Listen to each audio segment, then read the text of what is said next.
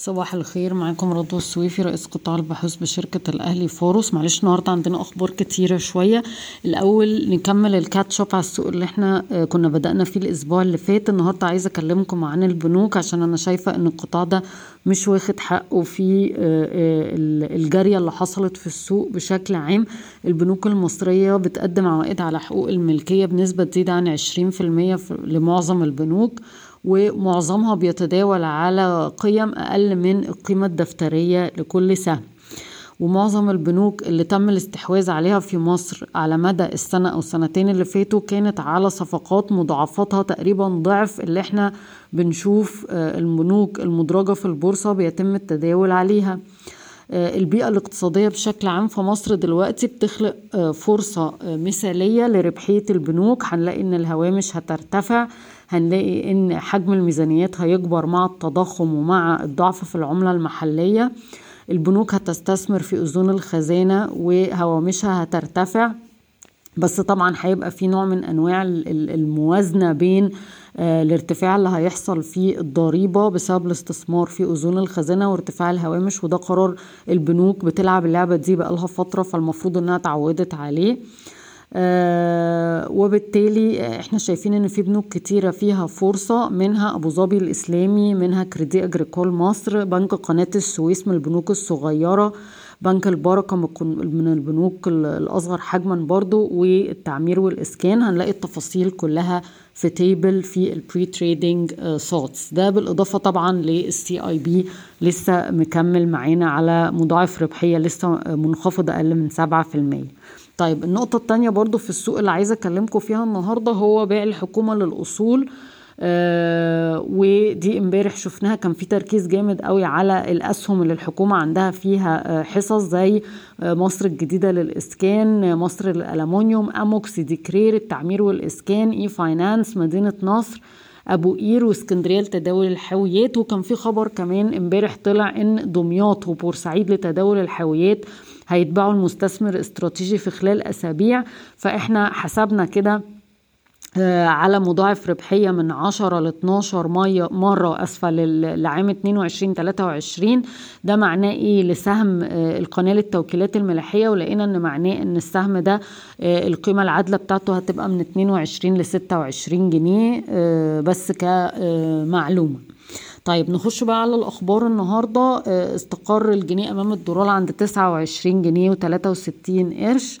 آه، امبارح كان في مزاد اذون خزانة 3 شهور وتسع شهور والثلاث شهور آه، تم تغطيتها أكتر من 10 أضعاف والعائد كان 20 ونص في المية. وزارة المالية أصدرت اللائحة التنفيذية لقانون ضريبة القيمة المضافة اللي فيه إعفاءات ضريبية جديدة تستهدف دعم الصناعة وتعزيز الصادرات.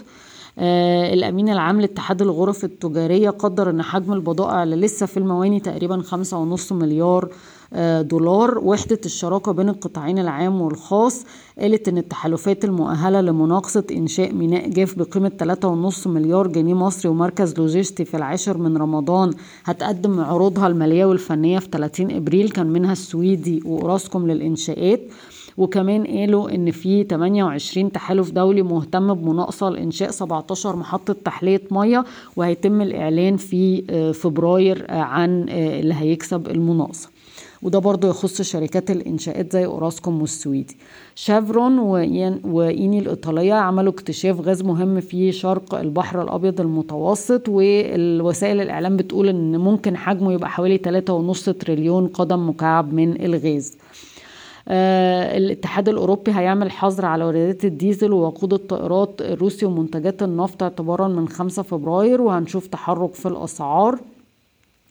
آه، في مفاوضات بين الشركة القابضة للتشييد والتعمير اللي هي المساهم الرئيسي في شركة مصر الجديدة للإسكان وشركات وصناديق خليجية لشراكة في مشروع هيليو بارك. وطبعا شفنا السهم اتحرك جامد قوي امبارح. بفكركم إن إحنا تقييمنا للسهم حوالي آه، 12 جنيه ونص. إيجي ترانس أكدت إن هي لسه بتدرس الاستحواذ على الشركة الوطنية للنقل اللي هي وخدمات اعالي البحار ناسكو والصفقة هتتم في الربع الأول من 2023 هيحصل احتمالية ارتفاع أسعار لبعض الادويه في شهر فبراير بنسبة 20 25 لأن في 50 60 مصنع طبعا مقدمة طلبات بعد زيادة أسعار المواد الخام والضعف اللي حصل في العمرة سوري في العملة. مستشفى كيلوباترا بتخطط لإنفاق 3 مليار جنيه خلال الست سنوات القادمة لتطوير أربع مستشفيات وكمان في ارتفاع هيحصل في أسعار خدمات الاتصالات بعد ارتفاع تقريبا 40% في تكاليف ضعف العملة.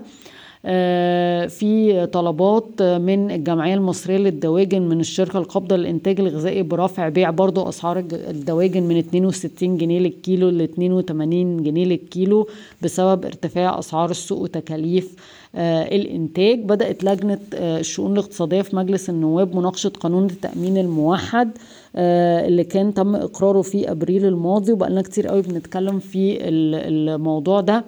ويمكن برضو بما إن الحكومة بتفكر إن هي تعرض مصر للتأمين للخصخصة يبقى برضو لازم أعتقد القانون ده يتم تمريره قبلها. بشكركم ويوم سعيد.